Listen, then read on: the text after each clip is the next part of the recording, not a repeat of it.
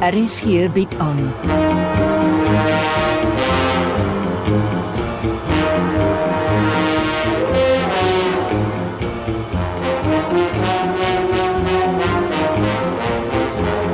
Agendas deur Jo Kleinhans.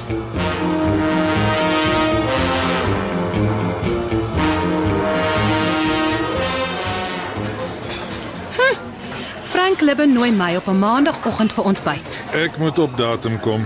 Toe maar, jy gaan nie meer lank met my opgeskeep sit nie. Die DG het planne vir jou. Ek is moeg vir die DG se planne. Die man hou van jou. Hy stel jou kwaliteite op prys. Soveel so dat hy skaars met my wil vergader.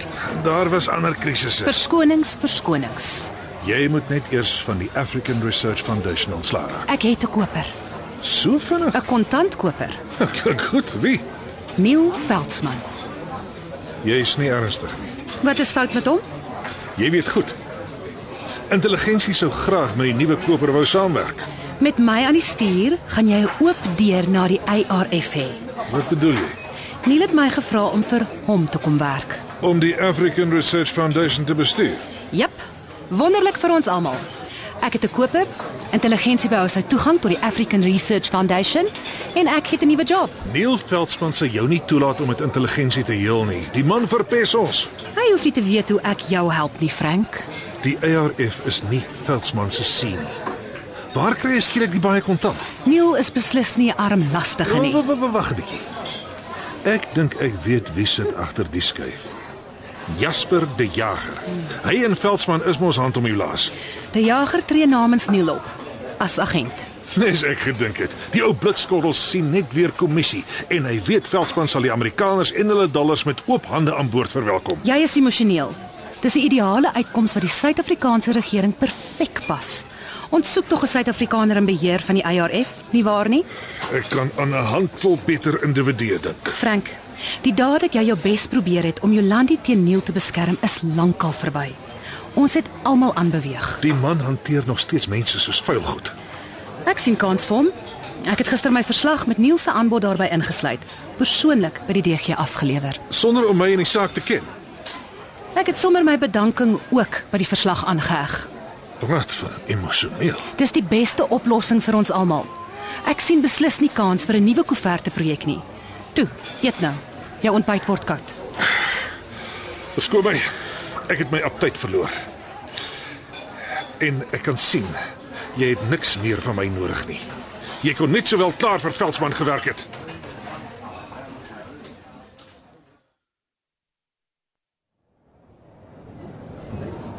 Ek weet nie of ek Neil Veldsmann kan vertrou nie. Hy kan nie vrotter wees as die staatsveiligheidsagentskap nie. Ek ken nie die man nie. Ek beloof jou, jy gaan nie 'n oomblik spyt wees nie. En sê nou jy's verkeerd? Dan reël ek vir jou 'n ander werk. Ek sal my in Gaberoni moet vestig. Toe maar. Ek sal sorg dat jou pakkette huis insluit. Ek klink seker van jou saak. Ek en Neil Veldsmann kom 'n lang pad saam. As my binnestem my net nie die heeltyd probeer waarsku het nie. Al wat hom tot die stap beweeg is wins. Waar kry die man soveel kontant op kort kennisgewing? Moenie jou mooi kop daaroor breek nie. Dink jy jou mense gaan sy aanbod aanvaar? Dis nie my besluit nie. Laat weet my sodra jy iets hoor.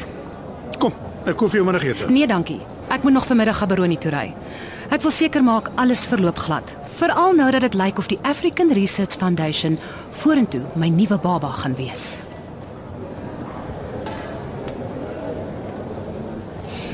Jy kan altyd vir my middagete koop. Wie's jy? Kom nou Jasper. Jy. Rustig.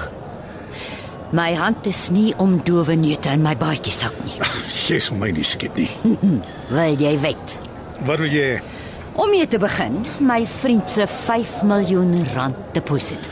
Skryf dit op jou maag. Jy weet nie waarvoor jy jou inlaat nie. Ag so. Hou op met jou strooi stories. Ek weet jy is agent Deborah Newton en jou vriend is Kate Vanston. Slim. Jy het 'n taktiese flater begaan toe jy haar ingeloop het. 'n Korreksie, eh, nie vir haar nie, die CIA. Moenie maak of sy besig is om haar eie geld rond te gooi nie. Kyk, Vanston gaan jou oprol en uitspoeg voor sy met jou klaar is. Ek is nie bang vir haar of haar marionet van 'n stiefdogter nie. Herken jy hierdie foto? Kyk hier op my selfoon. Ek is nie 'n kunstkenner nie. Kom nou Jasper. Jy weet dis 'n skildery van Erma Steyn. Maar Wat daarvan? Kom ek vertel jou wat Kate Vanston van al jou skilderye weet. Asof ek belangstel. Kort na jou vrou se tragiese dood wou jy in Veldsmann julle sakebelange uitbrei. Jy het geld nodig gehad om jou maatskappy in Londen Hanlal te stig. Ook om die Botswana Research Foundation in Gaborone mee te begin. My vrou het my goed nagelaat. Goed ja. Maar nie soveel as wat jy skielik nodig gehad het nie. Jy was so ongeveer 10 miljoen rand kort. Ag so. En dis toe dat jy besluit het om Hanni die Jager se oorspronklike waardasielys aan te pas. En een van die sterrenskilderye vir omtrent halfprys aan Veldsmann te verkoop. En jy het natuurlik bewyse vir jou lasterlike aantrekking. Hmm, Maar Veldsmann was nooit veronderstel om die skildery te hou nie. Hy moes dit uitvat en in die buiteland verkoop. jy het nie altyd van jou vernoot se verraad geweet nie, nê? En skielik is die skilderye vier warm artikel wat jy in die chookie kan laat beland. Jy het 'n flikse verbeelding. Mm, met dit dat jy die arme Hanni met die skildery inloop, kom jy agter, maar my aarde. Daar's eintlik nog 'n skildery wat weg is en toe begin jy soek. My ouditeur het agtergekom 'n skildery is weg. Vir die eerste keer het jy besef jou vrou het die aand van haar dood een van haar skilderye by die kunsgalery gelos. En met 'n hengsige soek vind jy uit Werner Beyers se Damien. Werner het die skilderye 'n hele paar maande gehad. Hy het dit laat vervals met jou hulp. Jammer, dit was nie ek nie.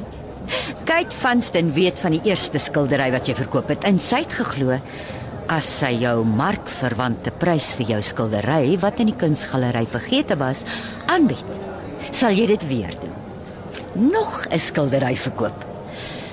Maar toe verras jy haar met 'n vervalsing. Jy lieg. Jy en jou stiefma sit met die oorspronklike weergawe. Julle het dit destyds al gesteel. Eerlik hoe maklik vir Werner 'n rad voor die oë gedraai het. Die aap het nog minder van kunswerke as ek geweet. Dis wat jy graag wil hê die polisie moet glo. Ha, Ek wonder of die polisie weet van die sterrenskildery wat gisteraand uitgevlieg is Londen toe. Dit word Vrydag op 'n spesiale veiling verkoop nie waar nie? Nou, sê dit liewer vir Kate Vanston. Sy soek mos 'n sternskildery. Jy weet goed waar die skildery vandaan kom. Jammer, jy oorskat my vermoëns. Kyk na die foto op my selfoon. Dit het in Veldsmann se huis gehang. Gevra hom, Hm. Ek het persoonlik die foto in sy huis geneem. jy en jou stiefma kan nie eiendomme wederregtelik betree nie. Nou, Ek het dit sonder my maare gekry. Wag maar, die polisie gaan jou toesluit. Presies wat ek dink met jou gaan gebeur.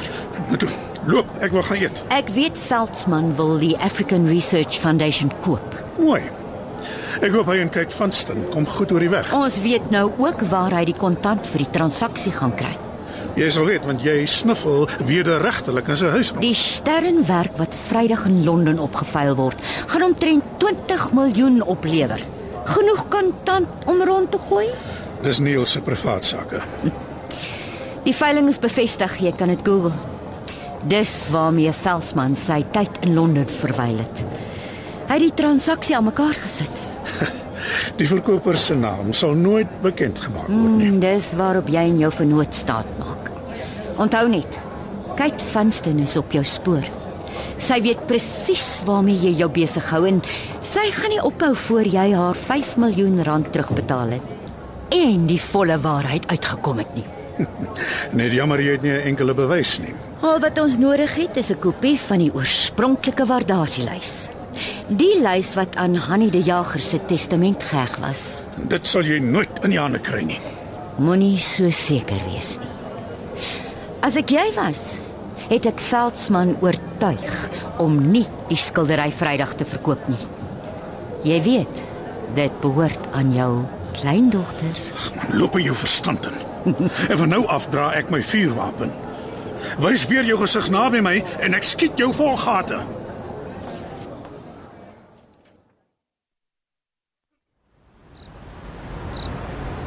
Kan ons asseblief praat? Waaroor? Toe ek by Ingrid kom, was sy besig om vleis te braai.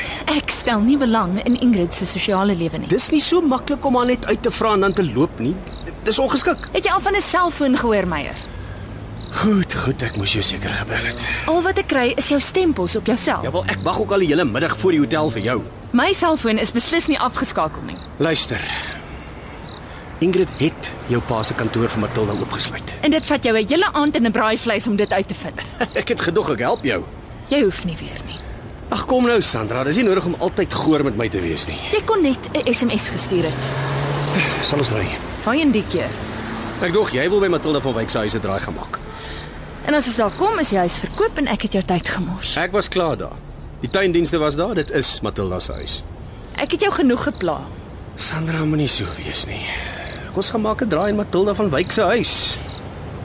Nou goed, as jy daarop aandring.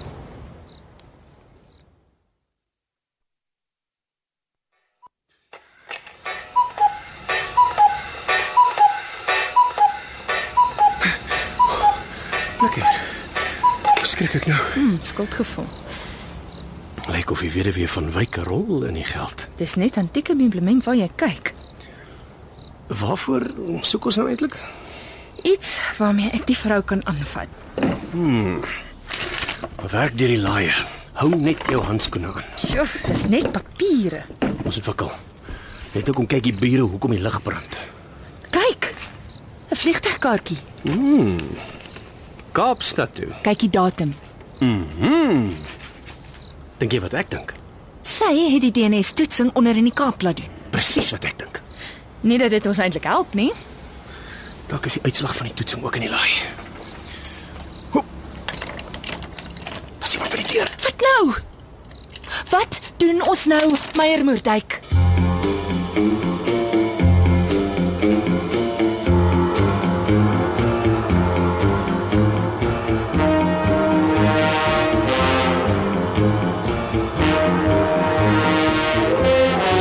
Agendas word geskryf deur Joe Kleinhans.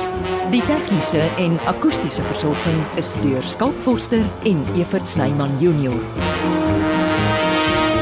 Die regisseur Betty Kemp.